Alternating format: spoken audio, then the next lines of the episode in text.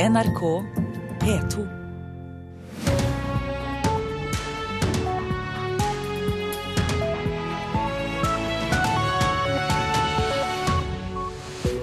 Klokka er tre minutter over sju, og Nyhetsmorgen fortsetter med Per Arne Bjerke her i studio.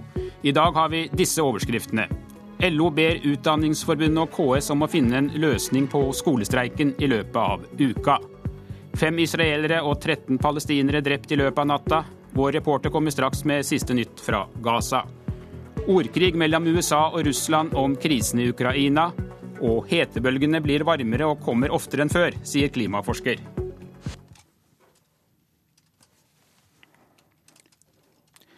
Det har gått prestisje i lærerkonflikten, men av hensyn til storsamfunnet må KS ta initiativet til å snekre sammen en ny løsning for lønnsoppgjøret.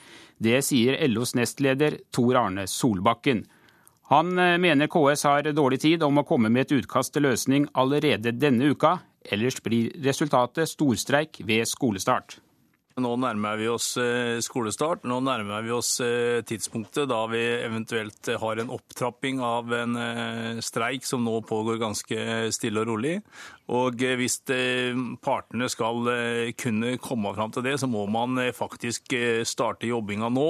Og vi må være veldig langt i hvert fall i å se hvordan en løsning skal se ut i løpet av denne uka. Så her ligger det et tungt ansvar på KS. Denne uken var det planlagt et stormøte mellom partene i lærerkonflikten som ikke blir noe av, fordi ingen har noe å si den andre.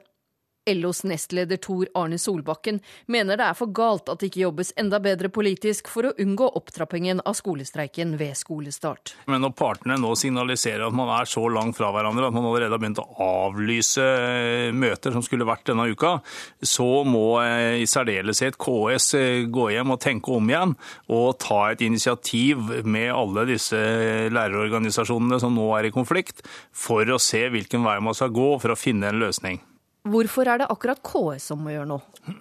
Det er sånn at eh, Flere av disse mindre forbundene sa jo nei i utgangspunktet. Utdanningsforbundet anbefalte det, sendte ut uravstemning, fikk nei av medlemmene. Det betyr at det som ligger der, det er forkasta. Da må man bare fjerne det fra bordet, og så må KS tenke helt nytt hvordan man skal kunne klare å finne en løsning som samler alle. I går var det Utdanningsforbundet, Lektorlaget og arbeidsgiver KS sin tur til å gå til Riksmekleren for å drøfte konfliktsituasjonen.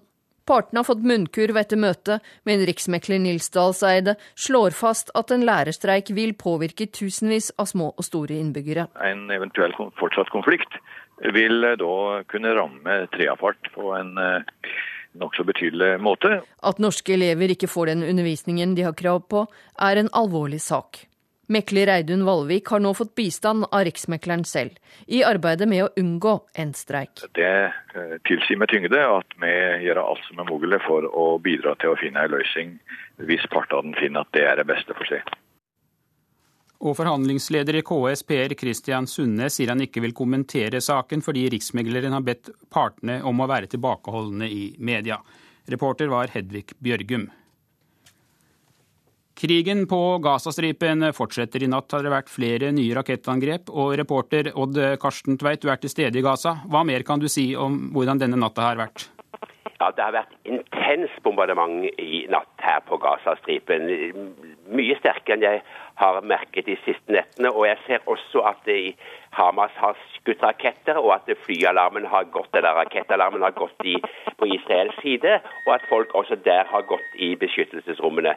Så her har det vært en opptrapping av konflikten. Og det aller siste er at eh, kampene mellom soldatene, altså kampene i Gaza og i Israel langs grensen, er også trappet opp. Vi har fått vite at fem israelske soldater ble drept nå i natt Eh, etter at en gruppe eh, geriljasoldater fra Hamas kom gjennom en tunnel inn i Israel og angrep disse. Det betyr at bare i løpet av det siste døgn så har israelerne mistet ti soldater. Nå er tallet på tapte israelske soldater oppe i over 50, og det er langt flere enn ved tidligere Gaza-kriger for Israel. Så dette er, viser at Hamas og de andre gruppene som slåss, har en langt større effekt, større kraft, enn israelerne hadde forutsett. Hvordan påvirker det opinionen i Israel når så mange israelere blir drept? Det er ikke så mange israelere sivile som blir drept, det er israelske soldater som blir drept. og Det påvirker selvsagt også opinionen, og ikke minst opinionen i det militære. Det er veldig støtte i den israelske befolkningen for denne krigføringen. Det er opinionsundersøkelser som sier dere må få Gaza eh, reokkupert, eller iallfall få Hamas til å eh, bli få, ikke lenger få våpen. Det er altså en, en kampanje som den israelske regjeringen har hele folket bak seg. Netanyahu sa i går kveld at offensiven kan bli langvarig. Er det noen som helst tegn på at dette blodbadet vil ta slutt? Det er politikerne som avgjør, og spesielt USA. Eh, det er klart at USA har støttet Israel i ett og alt, men det er tegn til at eh, amerikanerne er misfornøyd med israelernes handling, og ikke minst av den kritikken som de i Israel sender mot amerikanernes forsøk på å skape våpenhvile. Det er et svært dårlig forhold mellom Netanyahu og Obama-administrasjonen. Så vi vet ikke om det internasjonale presset nå kan føre til at FN krever en våpenhvile. Og hvis Sikkerhetsrådet gjør det, så med amerikanernes støtte, så er situasjonen en annen. Men på bakken er det krig verre enn noen gang. Over 100 000, det er over 1100 sivile eh, palestinere er drept, og altså noe over 50 israelere. De aller fleste soldater. Takk skal du ha, Odd Karsten Tveit, direkte med meg fra Gaza.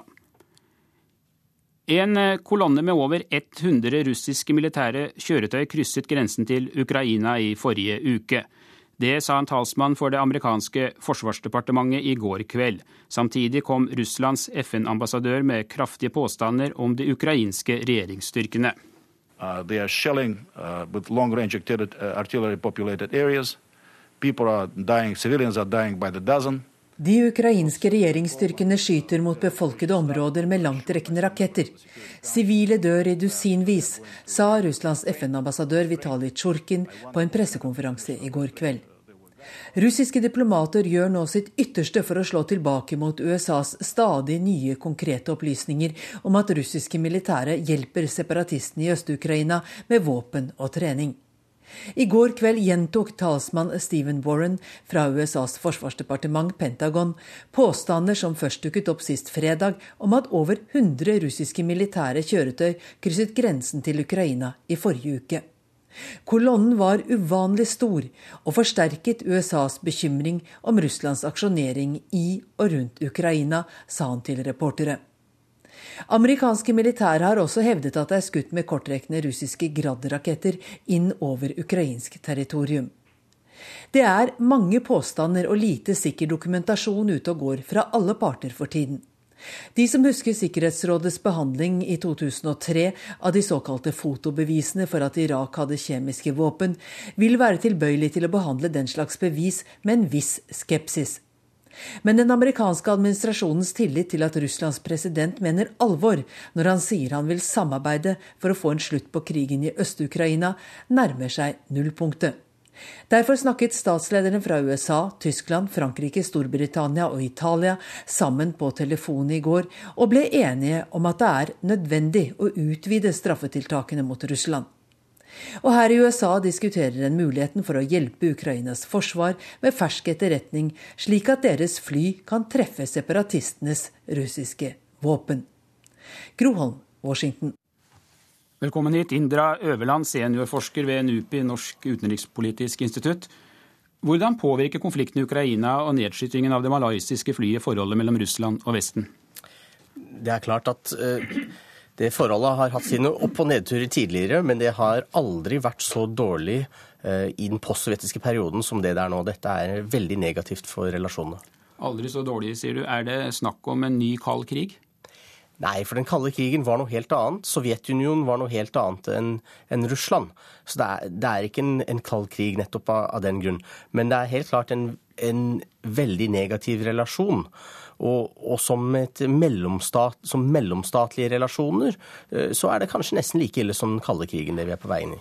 Nå hørte vi nettopp i reportasjen eh, fra Gro Holm at USA knapt tror på russiske myndigheter når de sier at de vil samarbeide for å få slutt på konflikten i Ukraina. Hva tror du blir de langsiktige virkningene av denne mistenkeliggjøringen? Jeg tror at uh, veldig mange i Vesten vil bli veldig skeptiske til Russland i lang tid fremover. Og jeg tror det vil bli uh, veldig veldig vanskelig for russerne, også for en, en, annen russisk regjering og andre russiske ledere, å komme bort fra denne skepsisen. Denne skepsisen har alltid eksistert i vestlige samfunn og blant vestlige eksperter, blant, blant enkelte, men den har blitt, blitt mye dypere og mye bredere nå. Men hvor avhengig er Russland av et godt forhold til Vesten? Det er jo det store spørsmålet her. Russerne selv, eh, eller den russiske ledelsen, opplever det som at de ikke er så avhengige lenger. Og det er noe av bakgrunnen for det, vi, det, det, som skjer nå. Og Russland har jo tatt et valg om å orientere seg noe bort fra Vesten og mot Kina. Så de ser på Vesten som svakt pga. finanskrisen, og på Kina som, som sterkt. Eh, samtidig så er det veldig mange russere som har interesse i Vesten, som har eiendom i Vesten, som selger barna sine på skole i Vesten, og som ferierer i Vesten. Men Kan da dette enorme markedet i Kina erstatte de økonomiske forbindelsene Russland i dag har med Vesten? På kort sikt så er det vanskelig å, å, se for seg. Eh, ikke minst fordi mye av den russiske eksporten går via rørledninger som man ikke kan flytte på. Um, og dessuten så bor over 90% av Russlands befolkning i Europa, altså i den europeiske delen av landet. Det bor nesten ingen i den østlige delen av landet. Men dette er jo det store spørsmålet for fremtiden. Og på mange måter kan vi si at under konflikten i Ukraina så ligger det litt eh, et spørsmål om Kinas rolle i verden fremover. For Russland helt klart støtter seg på Kina og på, på muligheten til å vende seg mot Kina i, i denne situasjonen. Eh, kort til slutt, Hva blir de politiske konsekvensene hvis Russland nå skulle knytte seg nærmere til Kina på bekostning av Vesten? Det eh, hjelper i hvert fall ikke på russisk-vestlige forbindelser, og det kan eh, styrke Kina ytterligere i verden. Takk skal du ha, Indra Øverland. Du hører på Nyhetsmorgen. Klokka er 7.15, eh, og dette er hovedsaker i nyhetene. Krigen på Gazastripen fortsetter. Mange drepte i løpet av natta. LO ber Utdanningsforbundet og KS om å finne en løsning på skolestreiken i løpet av uka. Hetebølgene blir varmere og kommer oftere enn før, sier klimaforsker. Og sommerhandelen holder liv i mange butikker i Utkant-Norge. Straks skal vi til Heggeris i Engerdal, og der det neppe ville vært butikk uten turister.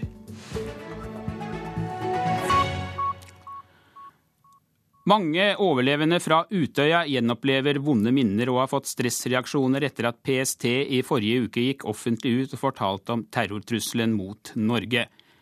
Eivind Rindal, som overlevde massakren på Utøya, mener myndighetene har vært for åpne om situasjonen. Beredskapsnivået i kroppen, det mentale beredskapsnivået, er hevet. Så jeg vil ikke bli sjokkert hvis det skjer et anslag. Men her er det igjen slik at man reagerer veldig individuelt. Noen kjenner på tydelig angst, stressreaksjoner. Andre igjen får til flashbacks fra 22. juli mareritt eller lignende. Eivind Rindal har fulgt nyhetsbildet tett etter at Norge ble satt i terrorberedskap i forrige uke. Rindal, som tidligere har vært fylkessekretær for AUF i Nord-Trøndelag, var mye profilert etter tragedien på Utøya, der han sammen med elleve andre ungdommer overlevde ved å ro for livet i båten Reiulf. Sammen med mange andre som overlevde terroren 22.07, er han ekstra på alerten nå. Myndighetene har sagt mye, mye mer enn de pleier å si. Samtidig har de sagt ekstremt lite konkret. Og det bidrar til å skape usikkerhet. Politidirektør Odd Reidar Humlegård holdt nok en pressekonferanse om terrortrusselen i går, og han var glad for å fortelle at politiet i dag trapper ned beredskapen. Humlegård har stor respekt for at åpenheten kan være ekstra belastende for de som ble rammet 22.07 men mener det hadde vært verre å ikke si noe. Vi har vurdert det slik at tiltakene måtte iverksette, eh, at det norske folk ville reagert eh, ganske umiddelbart hvis man så så mye mer eh, bevæpnet politi på flyplasser, forsamlingssteder, enn det de er vant til. Da ville det skapt stor frykt, har vi vurdert, hvis ikke vi hadde hatt et godt svar på det. Samtidig erkjenner Humlegård at det har vært et dilemma for politiet. Vi kan ikke fortelle eh, om hva som står i disse trusselvurderingene. Det er høyt graderte dokumenter, naturligvis, og det er et dilemma for oss. At vi kan ikke fortelle eh, grunnlaget for dette utover det man nå allerede har gjort fra PST. Eivind Rindal støtter tiltakene, men mener likevel myndighetene burde vært mer tilbakeholden med informasjon. Rindal mener åpenhet ikke alltid er mest hensiktsmessig. Åpenhet er noe vi gjerne liker å berømme som noe fint, men når det kommer til de hemmelige tjenester og eh, nasjonale sikkerhet, så kan det være eh, på sin plass også at dette forblir på et mer need to know-basis. Og da tror jeg ikke nødvendigvis at den åpenheten alltid er like heldig, i hvert fall ikke hvis den skaper en unødig frykt. Reportere Tine Nilsen og Anne Mone Nordahl. Hetebølger som den vi har nå, vil komme oftere enn før og bli enda varmere. Det sier klimaforsker ved Meteorologisk institutt, Hanne Heiberg. En av årsakene er de globale klimaendringene. Storøyodden i Bærum har 25 grader. Og Svorksjøen camping er varmest i dag med 26 grader. Det er jo helt fantastisk. 26 grader i vannet. Da bader du i et svømmebasseng. Reiseradioen i P1 kan melde om behagelige og uvanlige badetemperaturer i Norge etter uker med solstek og høy lufttemperatur. Hetebølgen skyldes varmluft fra Sør-Europa som får hjelp av et stabilt høytrykk, sier statsmeteorolog John Smits. Ja, Det er det at det får lov å ligge der og bygge seg opp over tid, men samtidig så styres dette også av eh, disse strømningene som ligger litt høyere oppe i atmosfæren, som vi ofte kaller for jetstrømmer. Eh, og det er altså områder med kraftig vind som bukter seg rundt hele kloden. Og av og til så slår de en sånn en bukt på seg som blir liggende over samme område ganske lenge. Dette er den meteorologiske forklaringen på varmebølgen, og så langt i juli er det satt ny månedsrekord på over 80 målestasjoner over hele landet. Samtidig var juni måned den varmeste som noen gang er registrert over hele verden, målt som et gjennomsnitt av temperaturene på sjø og land, alt ifølge det amerikanske National Climatic Data Center. Og økt global temperatur vil bety kraftigere hetebølger enn den vi har nå, sier forsker Hanne Heiberg ved klimaavdelingen til Meteorologisk institutt. Den eh, økningen i global temperatur som vi både har sett og ikke minst eh, forventer i fremtiden, eh, den øker sjansen for hetebølger. Og den øker sjansen for å få hetebølger som er varmere enn man noen gang har hatt.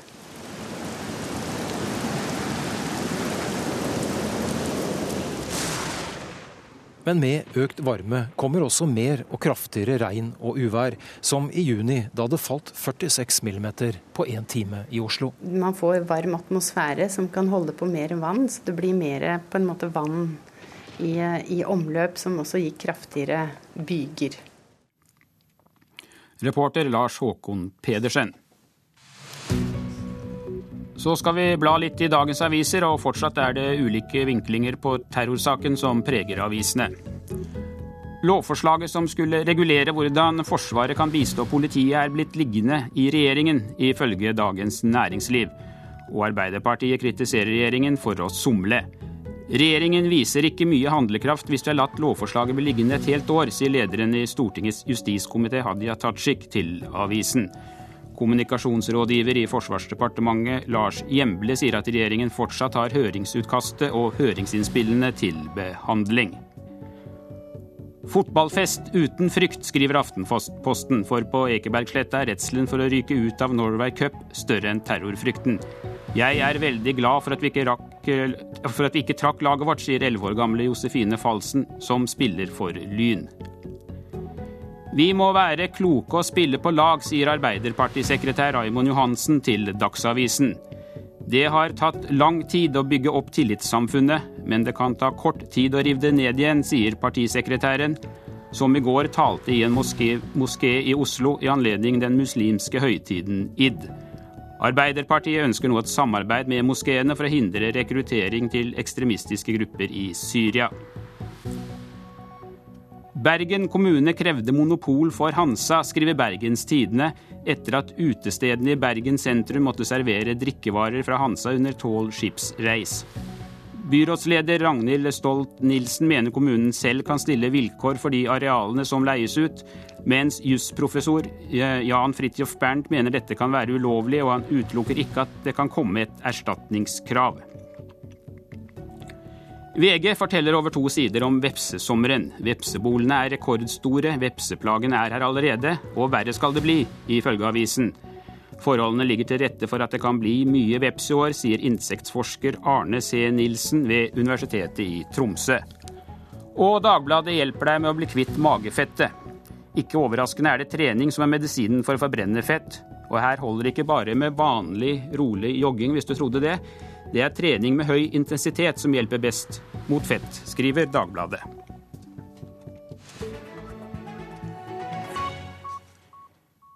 Kunstnerne Morten Tråvik og Henrik Plakt planlegger et kunstakademi i Nord-Korea. Nordkoreanske myndigheter har gitt kunstnerne klarsignal til å etablere et kunstakademi i hovedstaden Pyongyang. Tråvik har over flere år samarbeidet med nordkoreanske myndigheter, og Henrik Plakt har tidligere opprettet et lignende kunstakademi i Ramallah på Vestbredden. Når det finnes en forbindelse inn i Pyongyang, som Morten Tråvik har, eh, og så kommer det opp en idé, så så må man gripe dagen. Altså. Dette er litt sånn grip dagen-prosjekt. Plakt tror et slikt kunstakademi vil kunne skape en dialog som vil være positivt for Nord-Korea. Når ting er i bevegelse, så, så, så, vil det skje flere ting også på sikt, tenker jeg.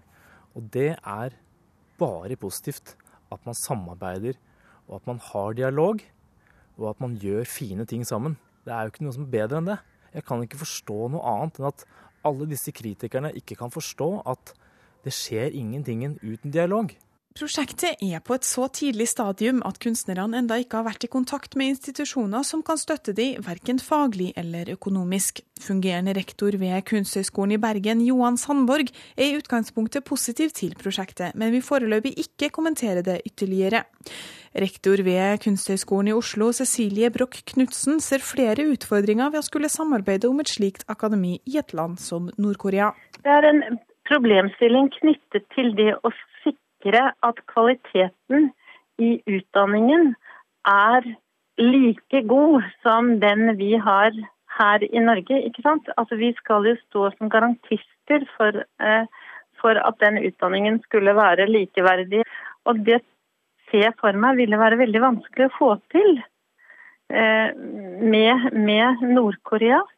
Stipendiat i teatervitenskap ved Universitetet i Oslo, Julie Rognved Amundsen, har forska på performancekunst i Nord-Korea. Hun tror kunsten som kan bli skapt i et slikt land, vil være interessant. Dette er eh, et folk som har helt andre impulser. De lever ikke i eh, en postmoderne verden på noen som helst slags måte. Altså, De har ikke sosiale medier, de har, de har jo knapt medier. De har én TV-kanal med en dame som gråter mye. Så Det vil også bety at den eh, kunst kunsten de eventuelt skal lage, vil komme fra et helt annet sted og fra en helt annen referansebakgrunn eh, enn det eh, den kunsten vi ser i resten av verden. Da. Og Utenriksdepartementet bidro med 9 millioner kroner til Henrik Plakts kunstakademi i Ramallah, men hadde ikke anledning til å svare NRK på om det er aktuelt å støtte hans nye akademi i Nord-Korea. Reportere var Siran Øsal Yldirim og Runa Rød. Sarah Palin, som var republikansk visepresidentkandidat i det amerikanske valget i 2008, startet denne uka sin egen nyhetskanal. TV-kanalen er foreløpig en internettjeneste det koster ti dollar i måneden å abonnere på. I tillegg til nyheter er det også egne programmer som følger hverdagslivet til familien Palin. Sommerhandelen er avgjørende for flere butikker i Utkant-Norge. Handelen i feriemånedene utgjør i noen tilfeller mer enn en firedel av den totale årsomsetningen i butikken. I Heggeriset i Engerdal i Hedmark hadde det neppe vært butikk uten turister. Ja, Det er vanskelig å si antall, men er, eh, vi har bra med besøk om sommeren. Og nå når det er så varmt, da, så er vi her ved sjutida for å åpne døra og lufte ut. Og da kan det reka noen kunder da òg. Men det er bare trivelig. Det er ennå tidlig på dagen, men allerede mye folk inne på den vesle butikken i grenda Heggeriset i Engerdal. Takk skal du ha. Kari Lillestu smiler blidt bak kassa. Hun driver nærbutikken sammen med Idun Hylleråsen. For de to damene er sommeren den mest innbringende tida på året. Så gjennom hele juli har de åpent alle dager i uka. Eh, sommertrafikken er veldig viktig. Eh, men samtidig er det altså hele året her er veldig viktig. Vi er avhengig av eh, grendefolket, men vi setter òg stor pris på alle turister og hyttefolk som støtter opp om oss. Og det er det som gjør at trafikken blir så stor om sommeren. Da blir det 180 kroner. Sommerhandelen i juli og august er helt avgjørende for en del distriktsbutikker. For noen butikker utgjør den over en fjerdedel av årsomsetninga, viser tall fra næringslivsorganisasjonen Virke.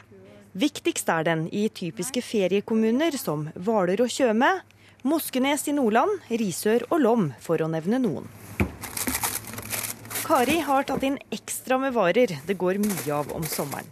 I denne sommervarmen her så går det unna med is og kald brus. Det er fastboende i Heggeriset og Hylleråsen som bruker butikken til daglig. Det er ca. 80 husstander. Men om sommeren kommer hyttefolket, og de er flinke til å handle på nærbutikken. En av dem er Ivar Nilsen fra Oslo. Og Jeg syns, syns det er veldig kjekt, så vi bruker, vi bruker, butikken. Og det skaper jo litt liv, liksom, at du har en nærbutikk også. For er, du har ikke mer alt når du kommer på hytta. Hadde det gått an å drive butikk her hvis du hadde tatt vekk eh, sommertrafikken? Det er vanskelig å svare på, men det tror jeg kanskje ikke. For om sommeren er det mye av grendefolket som òg drar eh, på ferie herifra. Så da hadde det ikke vært igjen så mange her. Kari rydder flasker. Ute skinner sola, og Engersjøen glitrer innbydende. Det er nå en lengter etter ferie og et forfriskende bad. Men det kan ikke damene på nærbutikken ta seg tid til. Så sommerferien tar vi i oktober. Da drar vi sørover. Og da skal vi nyte varmen nå. Reporter her var Anne Nesheim. Du hører på Nyhetsmorgen. Produsent for sendingen i dag er Eli Bjelland. I reportasjen etter Dagsnytt kan du høre at russiske medier forsøker å gi det ukrainske forsvaret skylda for at passasjerflyet ble skutt ned over Øst-Ukraina. Og kvart på åtte blir det klimadebatt. Tropevarmen vi har hatt i sommer kan bli det normale, sier klimaforsker Steffen Kalbekken og møter Høyres Nikolai Astrup. Nyhetsmorgen fortsetter nå med Dagsnytt. Jeg heter Per Arne Bjerke.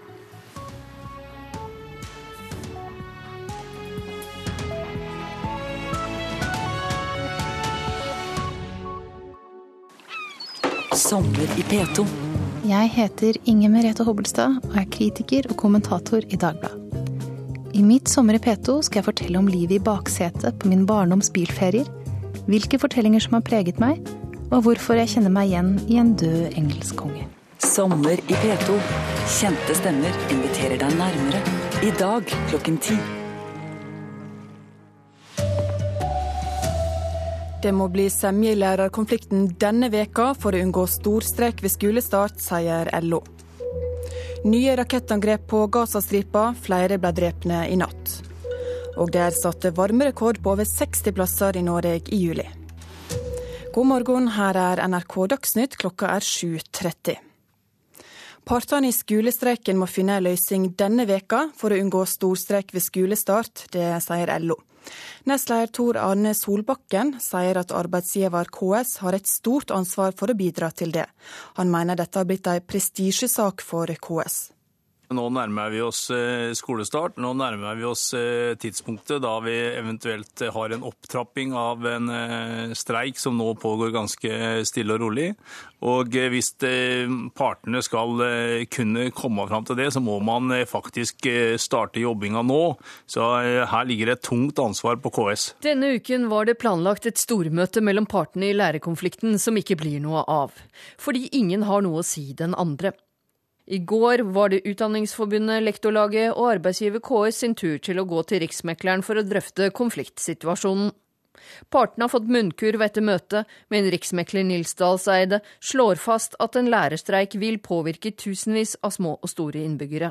En eventuell fortsatt konflikt vil da kunne ramme treapart på en eh, nokså betydelig måte. At norske elever ikke får den undervisningen de har krav på, er en alvorlig sak. Mekler Reidun Valvik har nå fått bistand av Riksmekleren selv i arbeidet med å unngå en streik. Vi gjør alt som er mulig for å bidra til å finne en løsning hvis partene finner at det er det beste for seg. LOs nestleder Tor Arne Solbakken mener det er for galt at det ikke jobbes enda bedre politisk for å unngå opptrappingen av skolestreiken ved skolestart. Norsk eh, samfunn og norsk næringsliv trenger ikke en sånn konflikt nå. Vi trenger en løsning så skolen starter på vanlig måte 14.8. Forhandlingsleder i KS Per Kristian Sundnes sier han ikke vil kommentere saka, fordi Riksmekleren har bedt partene om å være tilbakeholdne i media. Reporter i denne saka var Hedvig Bjørgum. Det har vært flere rakettangrep på Gazastripa i natt. Fem israelske soldater og 13 palestinere skal være drepne. Reporter Odd Karsten Tveit, du er i Gaza. Hvordan har natta vært? Eh, langt kraftigere kamper eller bombardement denne natten enn tidligere jeg har vært her. Israelerne har brukt artilleri og bombefly. Palestinerne har skutt med raketter så langt som nord til Tel Aviv. Men det er ikke meldt om skader på Israels side, men det er skader på palestinsk side. Eh, når det gjelder kampene, så er det åpenbart harde kamper langs grensen mellom soldatene. Og Der eh, drepte Hamas-soldater fem israelske eh, soldater i går kveld. I, de angrep gjennom en tunnel inn i Israel. og Det betyr at det er over 50 israelske soldater som er drept. Og det er langt flere enn i tidligere kriger mot Gazastripen. Hva følge kan drapet på soldatene ha? Ja, det er åpenbart at eh, det er politikerne som har bestemt seg for at denne kampanjen skal fortsette, og de har folket bak seg. Så alt tyder på i dag tidlig at denne konflikten, denne krigen mot Gaza, kan bli langvarig. Og det er ikke eh, rakettene til Hamas eller tunnelene som er, er årsaken her. Det er fundamentalt okkupasjon, det er det som ligger bak her. Isolasjon av Gazastripen i åtte år og okkupasjon, det er det som gjør at Hamas og de andre gruppene reagerer slik som de gjør. Takk til deg, reporter Odd Karsten Tveit fra Gaza. USA hevder Russland har brutt en viktig rakettavtale fordi de har testa en kryssrakett. Russland skal ha starta testene allerede i 2008, og det amerikanske utenriksdepartementet har tatt opp saka med dem flere ganger det siste året. Nedrustningsavtalen mellom USA og Russland ble inngått i 1987. Den forbyr flere typer mellomdistanseraketter. Det er satt temperaturrekord for juli på over 80 målestasjoner over hele Norge. Det viser data fra Meteorologisk institutt. Og vi kan vente oss enda varmere hetebølge i åra som kommer. Det sier klimaforsker Hanne Heiberg.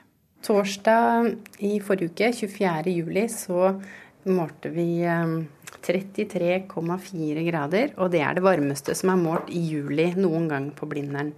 Men temperaturrekorden på Blindern var langt fra enestående. En oversikt fra Meteorologisk institutt viser at minst 86 målestasjoner over hele landet satte ny rekord i juli. En helt unik situasjon, sier meteorolog John Smits. Ja, vi har hatt tropedager, altså temperaturer på 30 grader eller mer, helt ifra Finnmark og ned til Agderfylkene. Ikke samme dagen, riktignok, men eh, vi hadde jo faktisk torsdag i forrige uke temperatur over 30 grader i 16 16 av landets eh, fylker. Juni måned i år ble målt til den varmeste noen gang for hele jordkloden, viser data fra et amerikansk klimasenter.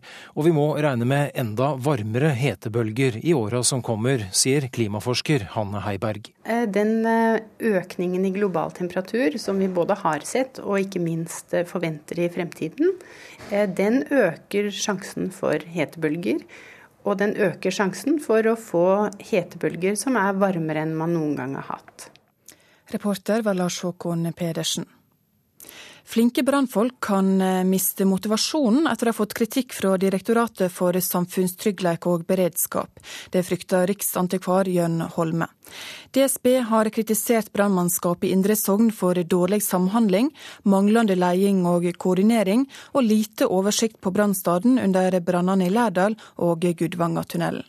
Det er liksom litt feil på en måte å kritisere brannvesenet når vi ser at vi håndterte brann på en god måte. Men man må ikke lage idealkrav som på et sett vis kan frata motivasjonen for folk som virkelig har vært helter. Riksantikvar Jørn Holme mener det får være en måte på hvor pirkete en kan bli når en skal evaluere storbrannene i Lærdal og brannen i Gudvangatunnelen i fjor. Alle kom fra det med livet beholdt, og i Lærdal berga en det gamle trehusmiljøet på Lærdalsøyri nettopp pga. en enorm branninnsats. Holme sier han ikke har fått lest rapporten, men kjenner godt til storbrannen i Lærdal, der han berga viktige nasjonale verdier. Jeg er veldig imponert over brannvesenene i Lærdal, og også de andre brannvesenene, og ikke minst den frivillige koordinerte innsatsen. Det at man klarte å stoppe brannen før den kom ordentlig inn i Øyri, det verneverdige området, det var en mesterinnsats. Brannsjefen i Årdal og Lærdal, Gaute Jonsgaard, har måttet svare på kritikk etter at DSB har påpekt dårlig samhandling, leding og koordinering på brannstaden. Forrige uke sa han følgende om kritikken fra DSB. Den hendelsen som var i Lærdal, den er helt ekstrem. Den største brannen som har vært i Norge siden 1923. Det var helt ekstreme forhold, og den innsatsen som ble gjort der, var formidabel. Og Det er den som gjør det at gamle Lærdalsøy fortsatt er der. Og Det kan ikke DSB kritisere. De påpeker påpekt noen forbedringspunkter, og det skal vi ta til oss og prøve å implementere og, og gjøre oss bedre. Reporter var Asgeir Heimdal Reksnes. Flytoget kan bli solgt til utlandet. Flere utenlandske fond og togselskap skal være interesserte og har kontakta Flytoget, skriver Dagens Næringsliv. Regjeringa har varsla at staten vil selge seg helt eller delvis ut av flere selskap, blant de Flytoget. I forrige uke ble det svenske flytoget Arlanda Ekspress solgt til eiere i Kina og Australia. Verdens beste sjakkspiller, Magnus Carlsen, prepper lagkameratene i sjakk-OL med teori fram mot turneringa som starter i Tromsø i helga. For skal Norge ha håp om å lykkes, så er det ikke rom for dårlige dager rundt sjakkbrettet. Vi kan slå hvem som helst på en hvilken som helst dag. En topplassering krever at vi har en toppdag hver, hver eneste dag det er veldig vanskelig. Magnus Carlsen vet at det blir vanskelig å ta gull under sjakk-OL. For til tross for verdens beste spiller på laget, så er det neppe stabilt nok nivå til å hevde seg helt i toppen. Norge stiller bl.a. med to amatørspillere, Leif Erlend Johannessen og Kjetil Lie. Carlsen sier at de har jobbet mye med de to spillerne. De har et litt annet utgangspunkt med tanke på at de har eh, spilt mindre sjakk de siste årene. Dermed har litt mindre spilletrening, litt mindre oppdatert på teori. Men det har vi delvis prøvd å gjøre noe med nå, sånn at de kan være i best mulig form og dekke over de eventuelle hullene de måtte ha. Nøyaktig hva man kan forvente seg av det norske laget er vanskelig å si. I tillegg til de tre nevnte spillerne, så stiller stormesterne Simen Agdestein og Jon Ludvig Hammer for Norge. Karlsen håper at laget kan hevde seg høyt på listene. Hvis vi ligger bra an før de siste rundene, så er det klart at da da vil vi jo håpe på en plassering blant de absolutt beste. Og sjakk-OL kan du følge på NRK. Åpningsseremonien ser du på NRK1 på fredag. Reporter i dette innslaget var Henrik Agledal. Ansvarlig for denne sendinga var Kjartan Røslett. Det tekniske ansvaret har Marianne Myrhol, og mitt navn er Ingvild Ryssdal.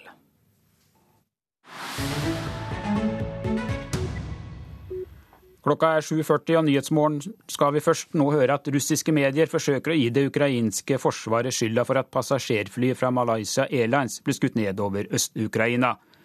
Det russiske medier ikke spør om, er hvilket ansvar de russiskvennlige utbryterne har for tragedien.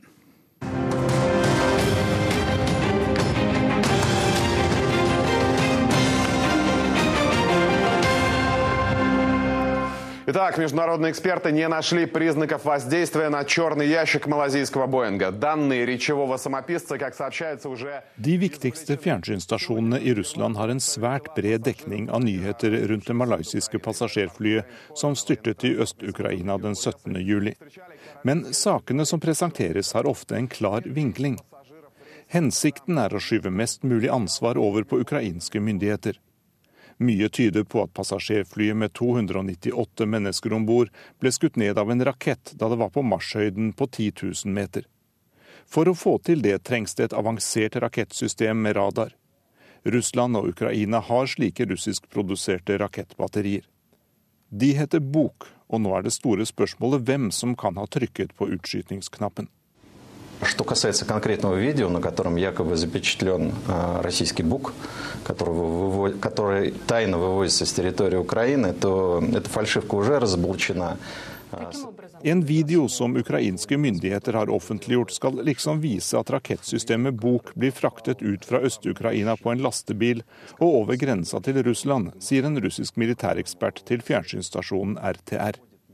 Han understreker at hele videoen er en forfalskning, og at det i virkeligheten er et ukrainsk rakettbatteri som fraktes et sted inne i Ukraina.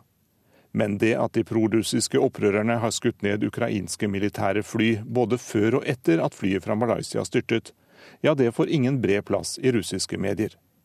Også den russiske forsvarsledelsen har kastet seg inn i argumentasjonen. Некие же представители разведки США, видимо секретные, раз их имена неизвестны, выдали комментарии которые, по уверению Госдепартамента, должны были доказать вину ополченцев и чуть ли не причастность России. Noen hemmelige kilder i amerikansk etterretning hevder at de prorussiske opprørerne i Ukraina skal ha skutt ned passasjerflyet, og at russiske myndigheter skal ha hatt en finger med i spillet. Det sier Russlands viseforsvarsminister Anatolij Antonov. Han viser til at amerikanske satellitter skal ha registrert en rakett som ble skutt ut fra opprørernes område. Men ministeren har en viktig innvending til påstandene. Почему они не представлены общественности? Их, с позволения сказать, еще доделывают? Почему не прокомментированы данные с брифинга Министерства обороны? Hvor er de konkrete bevisene fra amerikansk side? Hvorfor offentliggjøres de ikke så alle kan se dem? Holder amerikanerne fortsatt på å lage det de kaller bevis, spør viseforsvarsministeren, i en uttalelse som ble vist på alle de store russiske fjernsynsstasjonene. Два взрыва было в воздухе, вот это вот как он разрывался, и туда полетело по сторонам. И рядом и, еще как... один был самолет военный, да, все видели. Да, ниже и шел, потому что его видно было. Низ, да. Ниже он и шел, пассажирского и шел. Russisk fjernsyn viser også en reportasje som de hevder ble produsert for BBC, men som det britiske selskapet visstnok ikke ville vise. Årsaken skal være at lokale øyenvitner i Øst-Ukraina forteller at de så militære fly i lufta da passasjerflyet styrtet. Dette passer med opplysningene som det russiske forsvaret sitter inne med, men ikke med vestlige lands versjoner av det som har skjedd. Derfor ville ikke BBC vise reportasjen, blir det sagt. Reporter Jan Espen Kruse. Du hører på Nyhetsmorgen, og dette er hovedsaker i morges. LO ber Utdanningsforbundet og KS om å finne en løsning på skolestreiken i løpet av uka. Fem israelere og 13 palestinere drept i løpet av natta. Kampene fortsetter. Ordkrig mellom USA og Russland om Ukraina, men selv om forholdet mellom øst og vest er blitt dårligere, kan det ikke sammenlignes med den kalde krigen, sa NUPI-forsker i Nyhetsmorgen tidligere i dag. Og det er satt varmerekord på over 60 plasser i Norge i juli.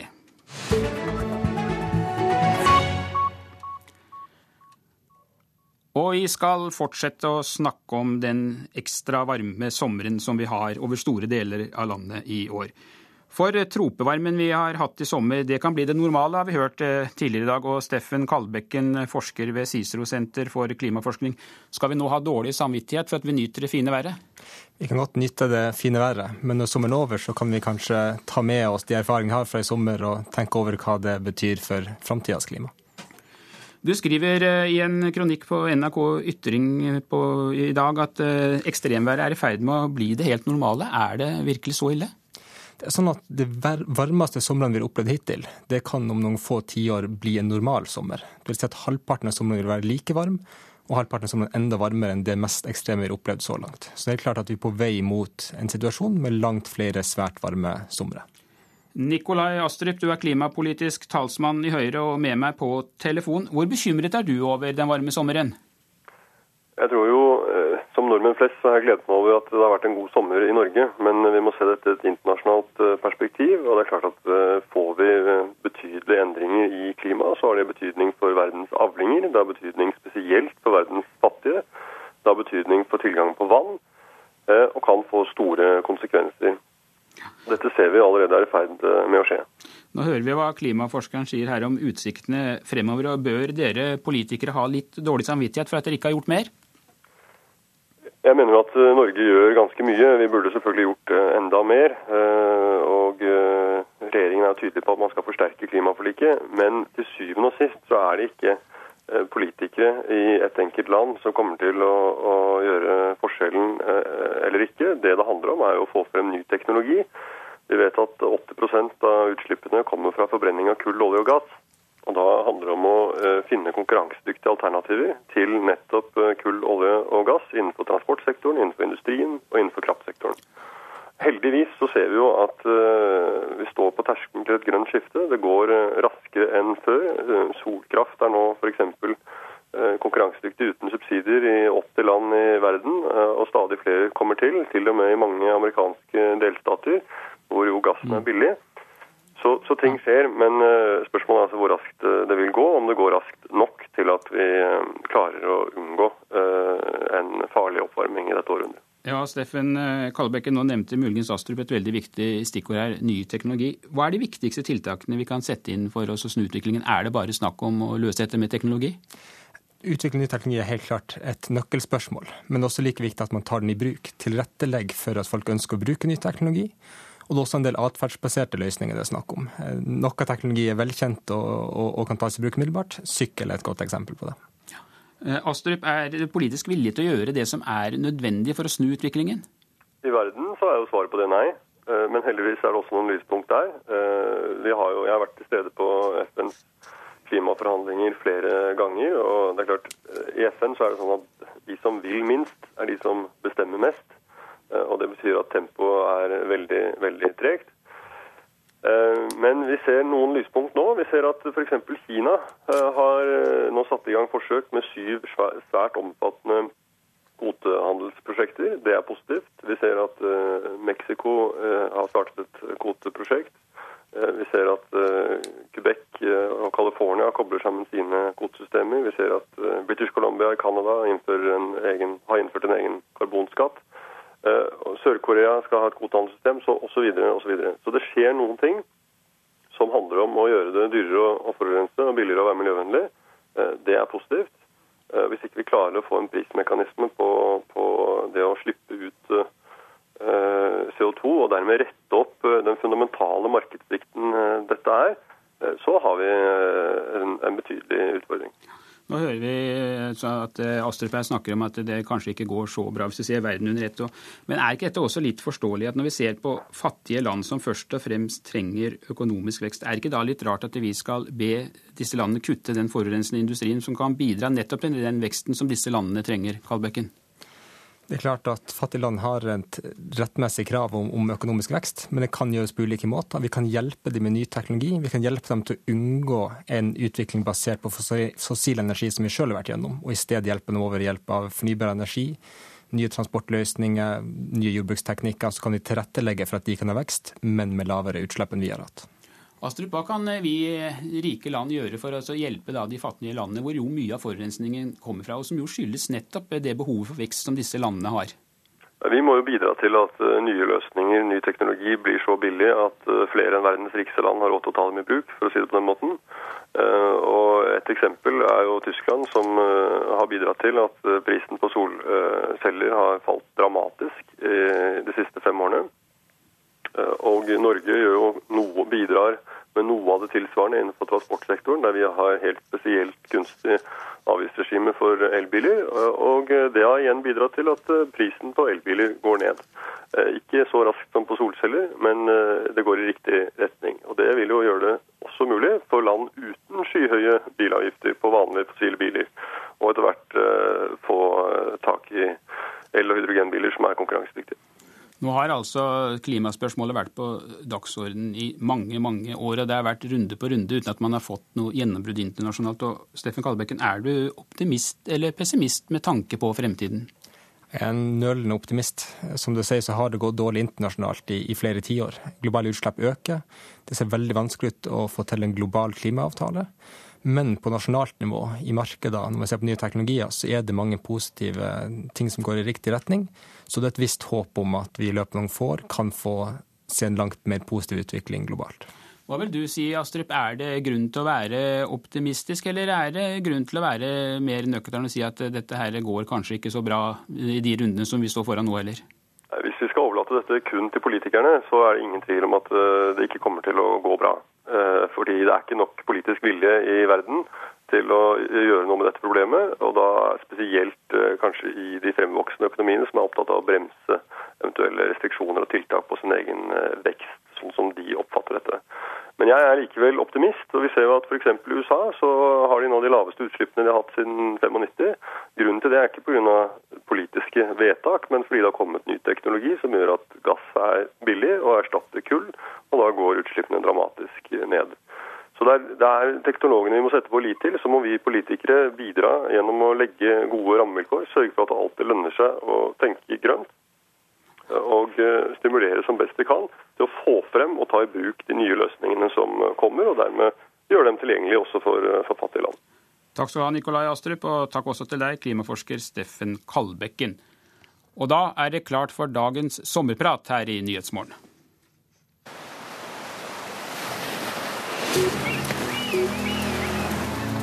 Sommerserien i Nyhetsmorgen. Først starter vi med navn og yrke. Vidar Helgesen, EU- og EØS-minister. Så hva gjør en EØS-minister i sommerferien? Da skal jeg på Stugan i Sverige sammen med familien. Det forteller egentlig alt. Jeg skal bare være der. Det blir kanskje en tur til Mummidalen, som ligger i Finland, over vannet. Hvem som du ikke kjenner fra før, ville du delt en kurv jordbær med? Linn Ullmann, fordi hun skriver godt og åpenbart er veldig morsom. Så jeg tror jeg ville snakket litt mer med henne. Hva ville dere snakket om da? Kanskje om eh, forholdet mellom Norge og Sverige og forskjeller mellom de to landene våre. Jeg er gift med en svensk, og jeg har eh, observert henne i eh, diskusjoner mellom eh, svensker og nordmenn, hvor jeg syns hun har hatt mye morsomme poenger. Og så selvsagt eh, bøkene hennes. Men hva synes du om å drikke øl eller vin på gresset i parken? Bør det være lov? Det kommer litt an på parken. I Frognerparken, da? Nei, der vil jeg nok være litt skeptisk. Ja. Dessuten fins det jo vannhull i Frognerparken som man kan gå til. Hva med hasj og marihuana, bør det legaliseres?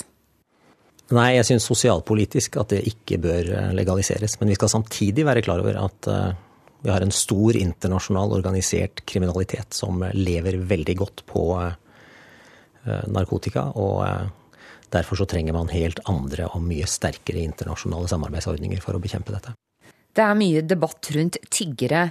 Gir du penger til tiggere?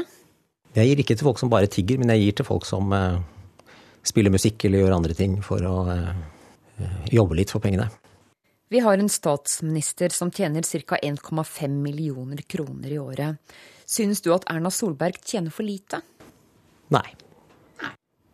Kjører du elbil? Nei, det gjør jeg ikke. Det er rett og slett fordi vi eh, trengte en bil med plass til eh, familien og bagasje når vi skal på tur. Og eh, da endte vi opp med en bruktbil av bl.a. økonomiske årsaker. Apropos økonomi, vil du ha et OL i Oslo i 2022? Personlig skal jeg leve godt med begge deler. Både et OL og fravær av et OL. Ville du sendt dine barn på privatskole? Ja. Foretrekker du monarki eller republikk? Monarki. Hvorfor det? Jeg syns det er viktig å ha eh, institusjoner som varer over tid. Jeg tror det er viktig for samfunnet. Og monarkiet står jo fremst i folkebevisstheten som en institusjon som eh, representerer det norske. Nå har du ganske mye makt, men hvis du fikk all makt i Norge i én dag, nevn én ting du ville endret permanent. Da ville jeg snarest endret den muligheten til å ha all makt i Norge uh, for seg selv, for det, er, uh, det ville vært ganske farlig. Hvilken statsråd syns du gjør det best i regjeringen som du er medlem av? Det er jo vanskelig å svare annet enn at alle har gjort det best. Men eh, jeg har lyst til å trekke frem Jan Tore Sanner, fordi han arbeider eh, kanskje ikke først og fremst eh, Han er kanskje ikke først og fremst den man ser mest til utad, men han arbeider veldig systematisk med veldig store og tunge reformer. Og det gjør han på en veldig god måte. Kommunereformen, mye konsultasjon, gode prosesser. Spørsmålet om fremtiden for regjeringskvartalet har han håndtert på en utmerket måte. Eh, så blant de mange som gjør eh, en veldig god jobb, så har jeg lyst til å trekke frem ham. Nevn én person du gjerne ville hatt med i ditt parti eller i ditt departement. Det var et veldig godt spørsmål. Jeg tror kanskje jeg da, hvis det gjaldt eh, norsk europapolitikk, så tror jeg kanskje at jeg ville sett til nabolandet. Den svenske EU-kommissæren Cecilia Malmström gjør en kjempejobb på området migrasjon, justispolitikk i Europa og eh, har veldig brede perspektiver og er en veldig effektiv politiker. Så eh, i eh, nordisk forbrødringsånd så kan jeg kanskje peke på henne som en svensk. Så hvis du fikk velge på øverste hylle, så ville du valgt en svenske? Det er veldig mange i Norge, men det blir jo enda flere spørsmål hvis jeg velger norsk hvorfor jeg ikke velger andre, så det er jo like greit å gå til utlandet. Da ønsker jeg deg, Vidar Helgesen, fortsatt god sommer.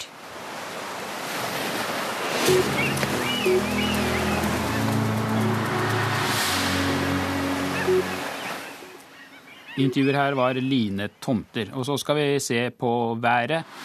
Fjellet i Sør-Norge skiftende bris, skiftende skydekke utpå dagen. Enkelte regnbyger kan hende med torden. Lite nedbør i Langfjella. Østland og Telemark skiftende bris, stort sett pent vær. Lokal morgentåke.